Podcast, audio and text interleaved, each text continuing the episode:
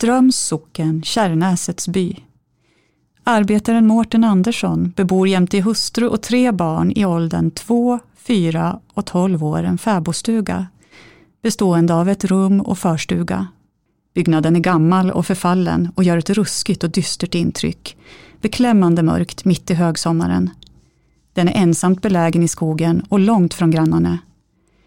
Det är ej enbart kroppslig ohälsa som kan vänta familjen, framförallt de små barnen, utan även psykisk ohälsa, där resten skulle vara nödsakade att bo i denna så kallade bostad innevarande höst och vinter. Ströms kommun borde därför åläggas att snarast möjligt anskaffa en människovärdig bostad åt familjen, innan den mörka, ruskiga hösten kommer.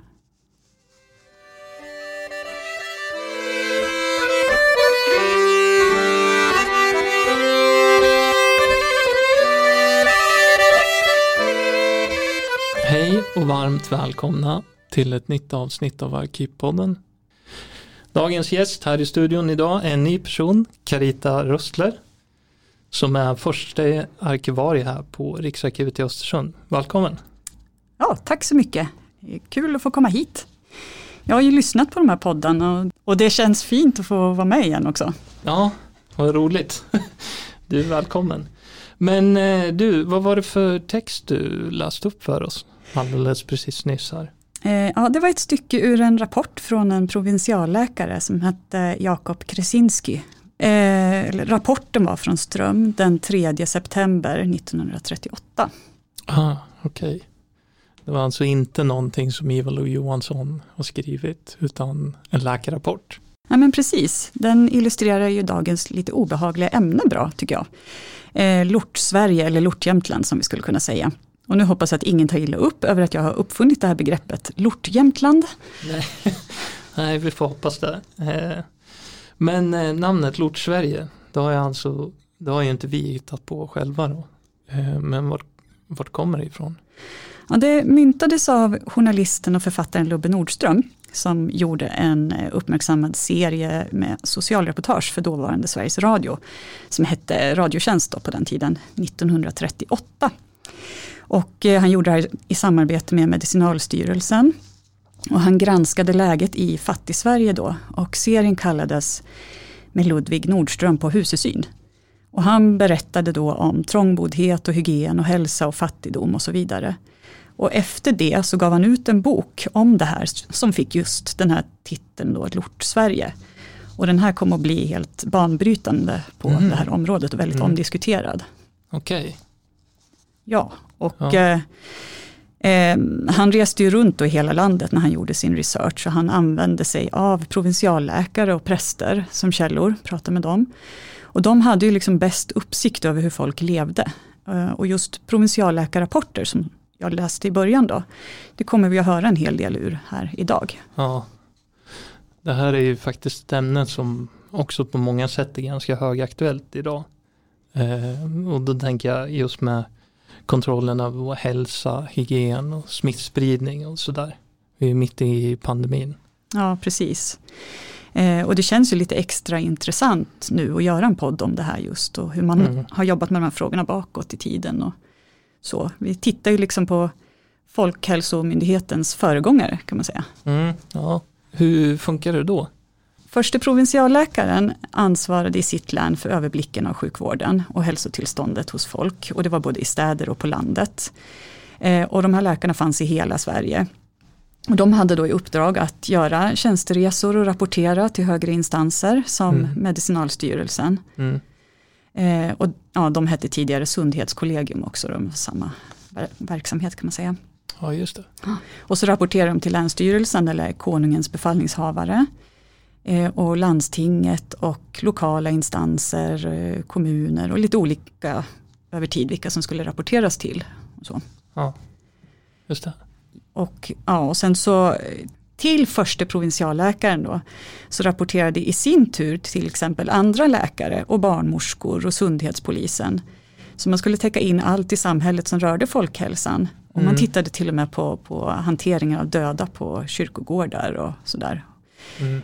Eh, och sen så de här anmärkningarna som gjordes, de följdes upp från år till år och rapporterades vidare då om man hade behov av särskilda insatser eller åtgärder. Mm. Ja. Där, där borde ju samhället finnas ganska väl beskrivet, tänker jag. Ja, verkligen. Det är, det är en bra tidsspegel av allt i, hur allt i samhället fungerade. Ja, den är, den är suverän så. Man ser jättemycket i de här. Det är otroligt roligt material. Ja, ja intressant. Men eh, vad ska vi prata om för tidsperiod ungefär? Eh, ja, jag tänkte göra nedslag kring eh, dels 1818 till 1850 ungefär. Mm. Och sen kring 1920 till 1940-tal. Okay. Under de här dryga hundra åren så börjar man i allt högre grad undersöka hur fattigt folk hade det här i landet och hur samhället påverkades av det. Mm. Eh, och lagar och förordningar kom successivt och med den här ökade kontrollen. Mm. Eh, Sveriges första hälsovårdsstadga den kom 1874 och hälsovårdsnämnderna i kommunerna kom 1875. Och de rapporterade också in till förste provinsialläkaren. I provinsialläkarrapporterna så kan man se att socknarna i Jämtland på de flesta håll i praktiken har börjat införandet av hälsovårdsstadgan kring 1890-talet. Ja, okej. Okay. Eh, när började provinsialläkarna med sin verksamhet? I vissa delar av landet så började de redan på 1600-talet faktiskt. Men, ja, jättetidigt. Ja. Eh, men arkiven som vi har här på Riksarkivet i Östersund från de läkarna som var verksamma i Jämtland då, och i Härjedalen, de började tidigast 1823.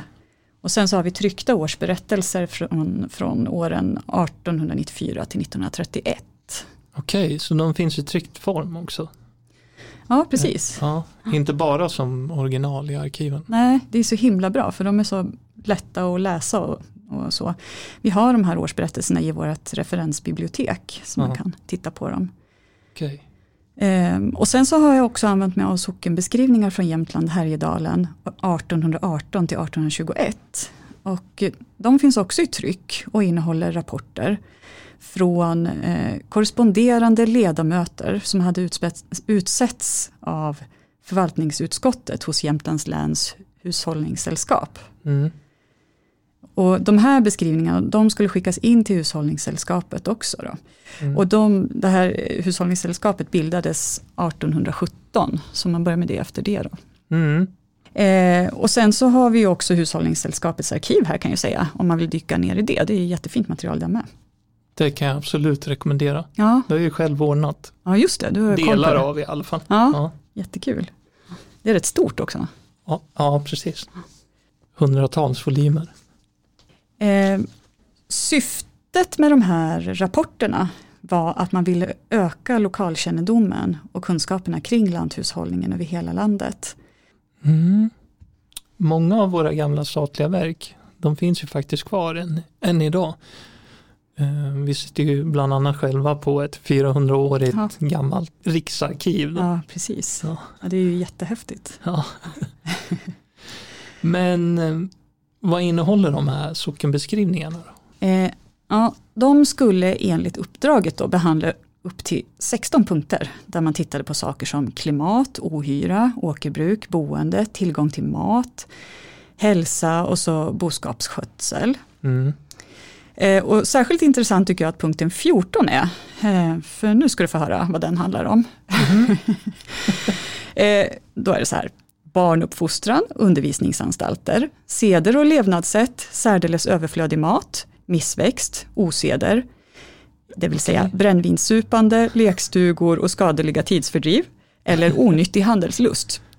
Okej, onyttig handelslust. Ja, det känner vi igen.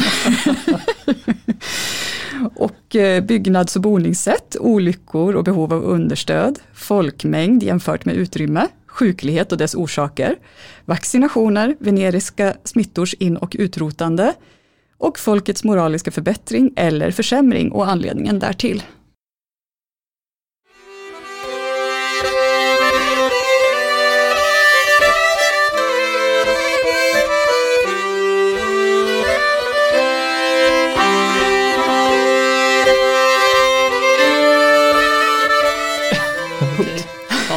Punkt. Det var ju mycket på en gång. Men väldigt intressant material kan jag tänka mig att det här är. det är ju det. Eh, men sen ska jag säga att detaljnivåerna i de här beskrivningarna skiljer sig rejält åt. Mm. Eh, så att de som har rapporterat in, de har tagit det här uppdraget på väldigt olika stort allvar. Eh, och i Lockne socken då, där finns en av de riktiga nagelfararna som jag har valt att koncentrera mig på här i den här berättelsen. Då. Okay. Och det är major Esaias Sandman. Mm -hmm. Mm, Han riktig... var en nitisk arbetare, ja. eller väldigt noggrann kanske? En, en militant major kan man säga.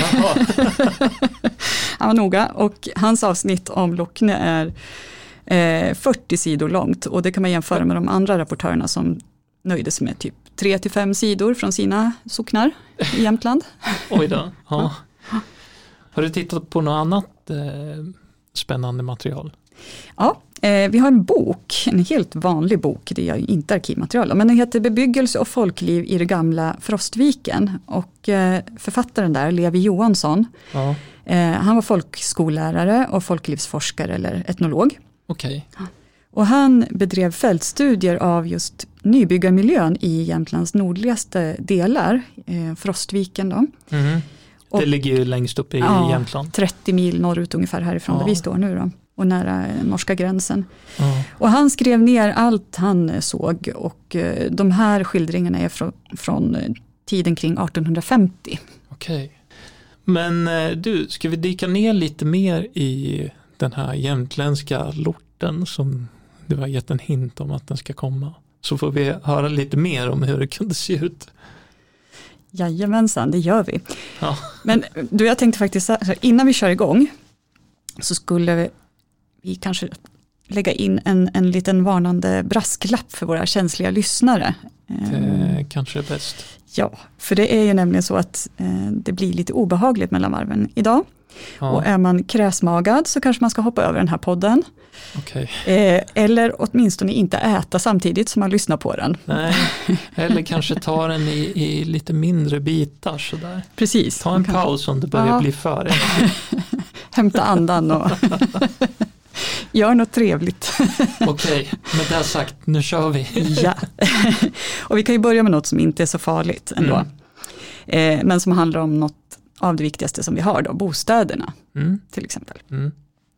Jag börjar ju med en rapport från Ström 1938 eh, och jag tänkte jag kan läsa upp en annan snutt ur en provinsialläkarrapport också, eh, men från LIT 1936. Mm. Eh, ja, och då skriver provinsialläkaren Daniel Ljungqvist så här.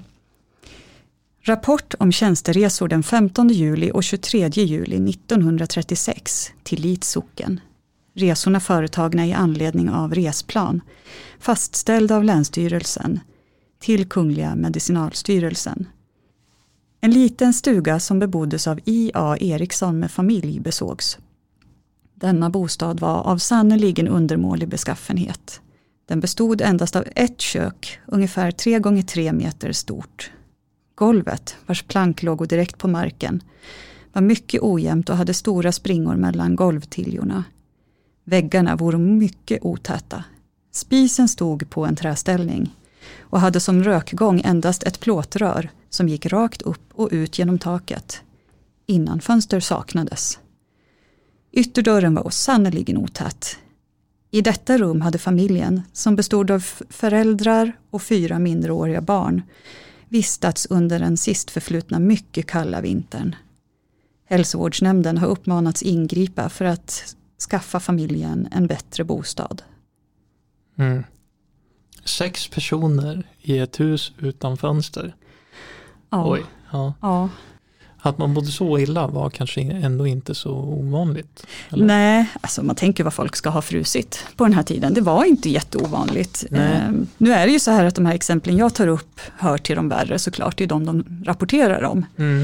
Eh, men det var, ändå, det var ändå talande med de här beskrivningarna och det var vanligt in på sent eh, 30-tal. Mm. Mm. Eh, och idag så tycker de flesta av oss att gamla träkåkar och timmerstugor är jättefina och mysiga att bo i och så. Eh, men när de byggdes då var de ofta dåligt konstruerade och oisolerade och dragiga och kalla och mörka också för den delen. Precis. Så det här läget var ju ungefär detsamma i hela landet. Nu pratar vi om Jämtland just idag. Ja. Men, men så här såg det ut över hela landet och sen är det ju olika hur klimatet har slagit såklart, hur illa det blev i praktiken. Mm. Eh, den jämtländska kylan den är ju liksom oerhört kännbar. Ja. Eh, det är jättetufft att leva och upprätthålla någon slags god folkhälsa om man bor dåligt i det här klimatet. ja, men visst. Men det, det blir ju kallt i hela Sverige Ja, på vintern. Det blir det ju, Så. liksom. det är bara att vi har också kalla somrar. Liksom. Men, Ja. Alltid. Ja, annars är det ungefär samma. Eh, Den här majoren då, eh, Ja. som jag pratade om tidigare, Isaiah Sandman, han skriver så här krasst om byggandet i Jämtland i allmänhet då, kring eh, år 1818. Mm. Skicklighet om omtanka i byggnads och boningssätt saknas alldeles. Nästan aldrig byggas vad för hus helst varaktiga och varma utan slarvas upp. Indelningen av bostadsrummen visar ingen omtanka. Åtgången på ved och dagsverken därtill är därför otrolig. Det var ju inga nådiga ord. Nej, Nej. han tycker att det är så i hela Jämtland också. Så. Eh, och går vi till eh, Levi Johanssons fältstudie då från ny, nybyggena i Frostviken igen, Mm. så hittar vi liknande beskrivningar därifrån då från 1850-talet.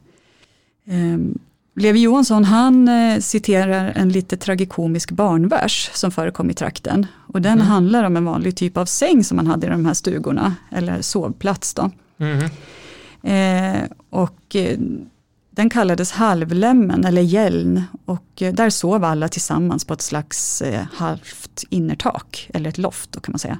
Okej. Eh, och de, det här bildade en hel sängyta som man, klädde med halm Ja. och där sov barn och tjänstefolk och främmande och alla möjliga fick knö ihop sig tillsammans där. Det, det blev lite varmare men tyvärr så fick man ju dela den här sängen med en del andra typer också. Ja. Eh, Som löss till Som- exempel. Eller annan ohyra.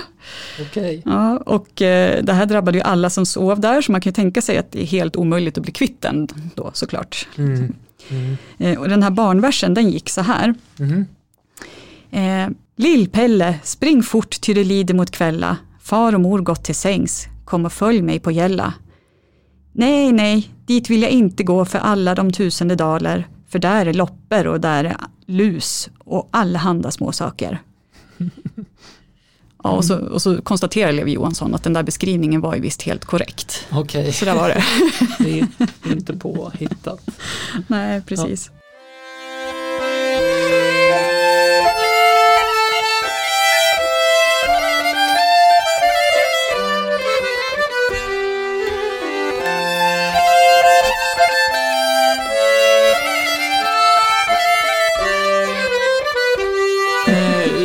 såg det ut med djur i övrigt? Löss var väl kanske inte, inte det enda man tog hand om på gårdarna. De var ju ganska självhushållande. Eh, så man lär ju ha haft tamboskap och, och sådär av olika slag. Ja, precis. Ja. Så var det ju. Det här tycker jag är lite intressant eh, för att jag har alltid tänkt att omsorgen om djuren skulle vara jättestor. Man Mm. var ju så beroende av dem både för mat och annat. Men när man tittar i de här rapporterna som jag har läst, eh, Ja. då beklagar sig rapporter, rapportörerna mycket över att djuren har det så dåligt. Okej, Eh, Levi han skriver att omsorgen om djuren var så knapp under vintermånaderna att den främst gick ut på att hålla dem vid liv oj. Eh, och sen så berättar han om en gård eh, i Frostviken där ett får hade självdött av svält under vintern. Och sen upptäckte man det först till våren när gödslet kastades ut när djuren skulle släppas ut då för säsongen. Och då hade det här fårkadavret fått ligga begravt i de andra djurens spillning eh, och ruttnat och torkat ihop. I lugn och ro skriver han. Och ingen hade märkt eller saknat det här fåret och ingen hade ju alltså skyfflat ut gödsel på hela vintern. Va? Ja. Okej. Mm. Ja, det borde jag märkt på lukten om inte annat, tänker jag. Ja, Jag menar, ett kadaver stinker ju. ja, eller hur? Eller? Verkligen. Ja. Det kanske var ett värsta tänkbara scenario, vi får hoppas det. Eh, Ja. men, men de här bristerna i djurhållningen, de tas upp av alla nedtecknare som jag har läst faktiskt. Eh, Okej, då ja. är det inte ett undantag. Nej, det verkar inte riktigt så ändå. Nej. Eh, Major Sandman i Lockne, Han säger ju då att man har med boskapen samma sätt som med slotterne, mycket och odugligt. Eh, men sen Sandman, han, eh, majoren då, han anklagar dessutom eh, jämtarna för att vara ovanligt långsamma med att ta till sig nya metoder.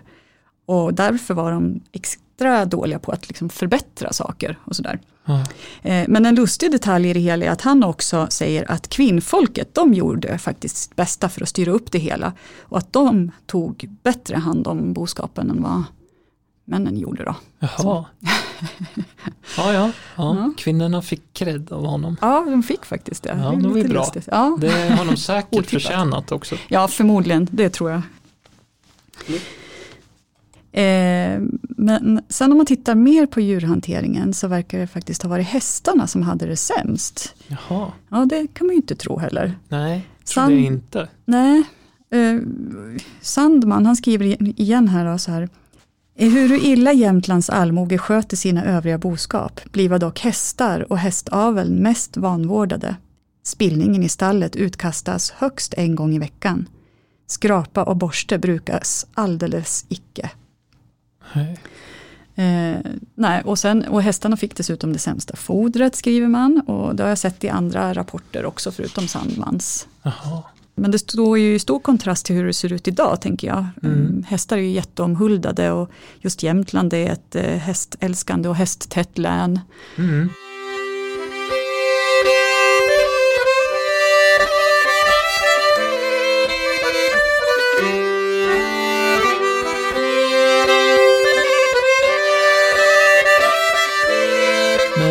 Såg det ut för folket då?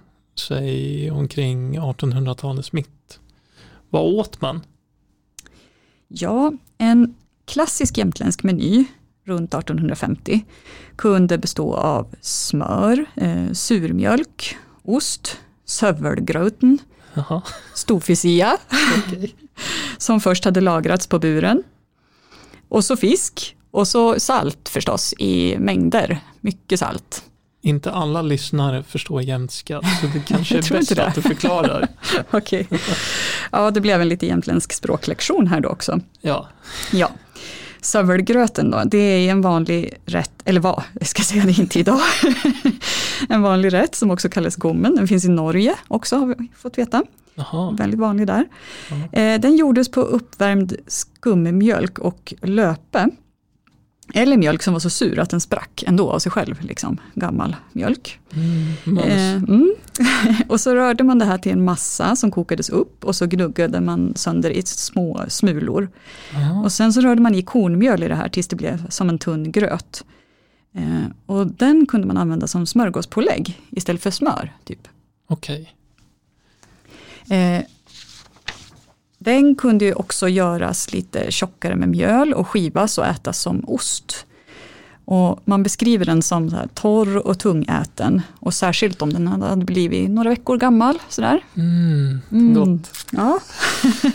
och sen, det blir ännu bättre, det berättas att husmödrarna då ibland när de gjorde den här blev tvungna att först tugga sönder smulorna av ostmassan i munnen då och sen spotta ut det här och bearbeta igen för att den här massan var så gammal och gjord på så blåsurmjölk att den hade blivit seg som gummi och den gick inte att gnugga sönder då för hand utan då fick man tugga och spotta och om igen. Är det lite som idissling? Ja, vad kan man säga faktiskt. eh, ja, men sen gjorde man ju faktiskt vanlig ost också såklart. Eh, det är vi ju bra på idag, det är mycket ostar här i länet, både Mm. kuost och geitost. Mm. Eh, och de här lagrades i stugorna och blev med tiden också flinthårda el- eller sega som gummi. Och Levi Johansson han beskriver det här som att den här osten den var gjord på sorgfälligast urpinad skummjölk. Eh, och mesosten beskriver han som vanligen sandig till konsistensen och så bittert sur att ögonen vilja tåras då man äter den. Ja, Okej. Eh, vad sa du mer? Eh, Storfisia och buren. Det får du nog kanske också förklara. Ja, då är det så här då. Att buren är al- alltså ett, ett sorts förråd, ett hebre kan man säga. Okej. Eh, och det här kunde man ha för torkning och förvaring av kött framförallt. Ja. Eh, Levi Johansson berättar att väggarna i buren kunde vara helt klädda med upphängda, torkade och rökta och saltade sidor av får och nöt. Mm. Eh, och det är de här nötsidorna som kallas för storfisia. Eh, och sia är ju sida då, från Ja, ja, storfä. ja. Mm. Precis. Mm. Eh, och i taket så hängde det, kunde det hänga på så här pinnar, bogar och lår och andra köttstycken. Och det hängde så tätt att man inte ens kunde se taket, säger han. Oj. Eh, för det var ju så här att man, man, man slaktade allt kött på hösten. Och Ja. eftersom man behövde snåla med maten hela tiden och var, veta att man hade kvar. Ja. Så kunde det bli kött över från år till år. Ja. Och man konsumerade alltid det köttet som hade hängt längst. Tyvärr. Okej. Så att, och det kunde med tiden bli så angripet att det beskrevs som mörket torrt trä med gulgrönt fett på och smaken var härsken och möglig.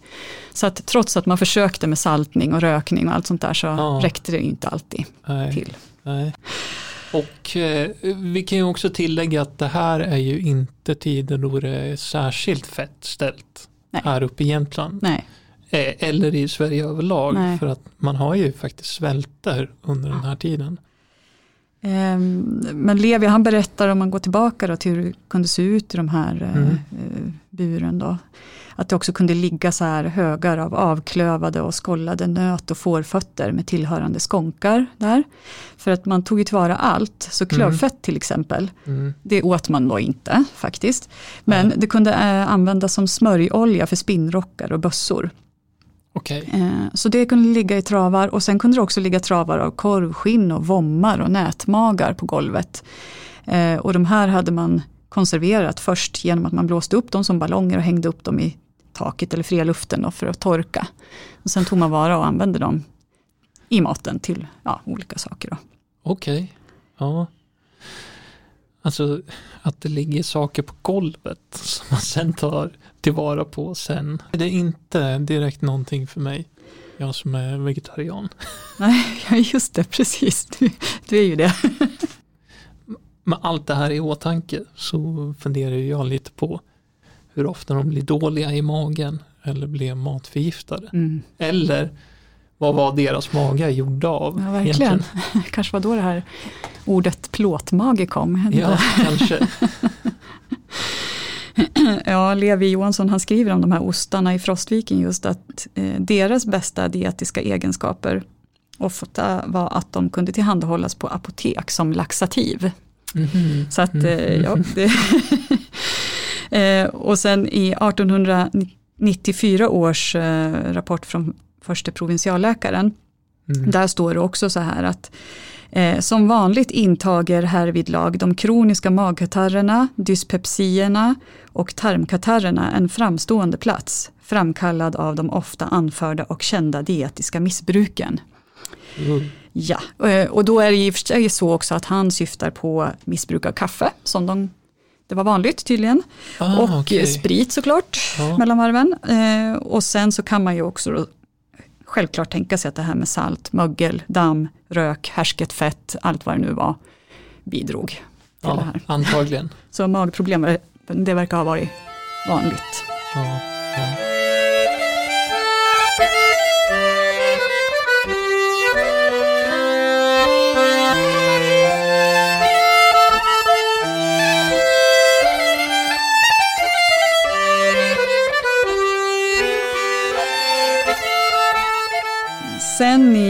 modernare och rikare hus, då hade man ju en kammare för maten.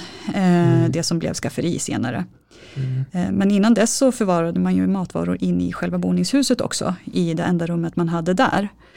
Eh, Och där kunde man till exempel sätta upp mjölk på tråg på pinnar ut med väggarna. De här trågen var öppna och de förorenades ohyggligt av allt damm som gjorde omkring i luften. Eh, Och eh, det dammade från alla arbeten som utfördes inne i stugan under vintern. Och det här är också från Frostviken då, 1850. Eh, och man kardade, man spann, man högg och hyvlade ved och kammade skohö i samma rum som man hade den här maten. Oj. Ja, och vintersmöret säger de, det blev så smutsgrått av alla partiklar så att ja, det grodde igen. Eh, Och sen så hade man också en liten vana att i matbordet ha en stor draglåda tydligen. Eh, och i den, det här är så roligt uttryck tycker jag, Mhm. förvarades kvarlevor från den ena måltiden till den andra. Så att man skrapar väl ner resterna där då, skriver Levi. Så skönt. Ingen disktrasa där på Nej. bordet inte utan man öppnar bara lådan Ja. och skifflar ner Ja. allt som är kvar. Man kunde egentligen äta direkt ur lådan sen också, men det vet jag inte om de gjorde. Men, Ja, man gick och blev småhungrig. Ja. Eh, Och sen så åt man med träskedar eh, och de här sattes i ett ställ som kallades för skelhalle, jag är osäker på uttalet, men någonting typ så, Mm. Nå- när man hade ätit klart. Då. Och eh, då ha- hade man gjort rent dem genom att de slickades av eh, och sen så fick de stå i det här stället till nästa måltid. Mm. Eh, och man gjorde också rent matkoppen på samma sätt. Så att diskade riktigt, det gjorde man bara på lördagarna. Kan, vi, kan vi prata om någonting mer aptitligt nu kanske? Ja, det kan vi ju i och för sig göra. Ja, vi, vi, vi skippar matäcklet. Vi skippar maten. Vi kan Nej. prata hygien istället. Ja, men den kanske var bättre, eller? Lite si och så kan man väl säga. Okej. Eh, den här major Sandman, han rapporterar från Lockner kring 1820. Mm. Att snygghet av alla slag är ganska sällsynt, utom i klädsel till kyrkan och samkväm. Och med snygghet så menar han prydlighet överlag, Mm, så det är mm. liksom inte bara att Nej. kläder eller så, utan hur man skötte sig. Liksom. Just det. Eh, och det var lite, lite lika med folket som med disken. Eh, på lördagskvällarna då kunde man kosta på sig att tvätta ansikte och händer. Men annars så var det ju det här berömda julbadet som fick stå för renligheten. Ja. På julafton i fähuset och alla i hushållet i samma vatten. Eh, och annars så var det ju mest en olyckshändelse om man, om man blötte sig. Liksom. För det, ja, det låg mycket rädsla i det här med vatten. Att kallt Ja. vatten var dåligt för hälsan och man var rädd för förkylningar. Men var, man var också rädd för vattnets andemakter. Okej. Men sen var det ju också så att med tiden då kom det offentliga badinrättningar och kurbad i slutet av 1800-talet och det blev mer poppis med tiden. Eh, Och i prov- provinsialläkarrapporterna från 1894 så finns det rapportering om just brunns och kurbad då, så man började titta på dem och Mm. att de fungerade. Mm. Och skolbarn de rekommenderades att bada varmt i skolan åtminstone en gång i månaden för man Mm. började ju också med sådana Mm. faciliteter i skolorna. Då. Mm. Men man kan se for- fortfarande 1914 i en provinsialläkarrapport då, från förste provinsialläkaren Axel Häggqvist. Mm. Eh, så han skriver då att den personliga renligheten blir nog på de flesta ställen och landsbygden i mer eller mindre grad försummad på grund av den allmänt gängse vattuskräcken och det hos folket aldrig utvecklade behovet av renlighetsbad. Under sommaren badar väl de fullvuxna en eller annan gång i öppen sjö. Men äldre personer anser även detta överflödigt. Under hela den långa vintern kommer däremot knappast en droppe vatten i beröring med deras hud, med undantag av ansikte och händer. Och kanske någon enstaka gång även eh, deras fötter. Bad utom för barn ingår ej i folkets sed. Eh, Så, så såg det ut fortfarande då 1914 och sen så drogs man ju också med stora vattenföroreningsproblem. Mm. Och tittar vi i eh, sundhetsinspektioner från 1929 i provinsialläkarrapporterna Mm. eh, så skriver de om badhuset vid Storsjön i Östersund. Mhm. Mm. Och då står det så här. Har föga använts under den kalla sommaren. Vattnet här är säkerligen så bemängt med kloakinnehåll att det kan vara vådligt för hälsan att bada i detsamma. Hälsovårdsnämnden bör härom verkställa utredning. Urinoaren bredvid allbassängen tömmes direkt i sjön. Ja. Inte så konstigt att ingen vill bada då med andra ord. Nej. Men eh, ja, kläderna då? Om vi backar tillbaka till Levi Johansson. Hur gjorde man med kläderna i 1800-talets Jämtland? Tvättar man dem?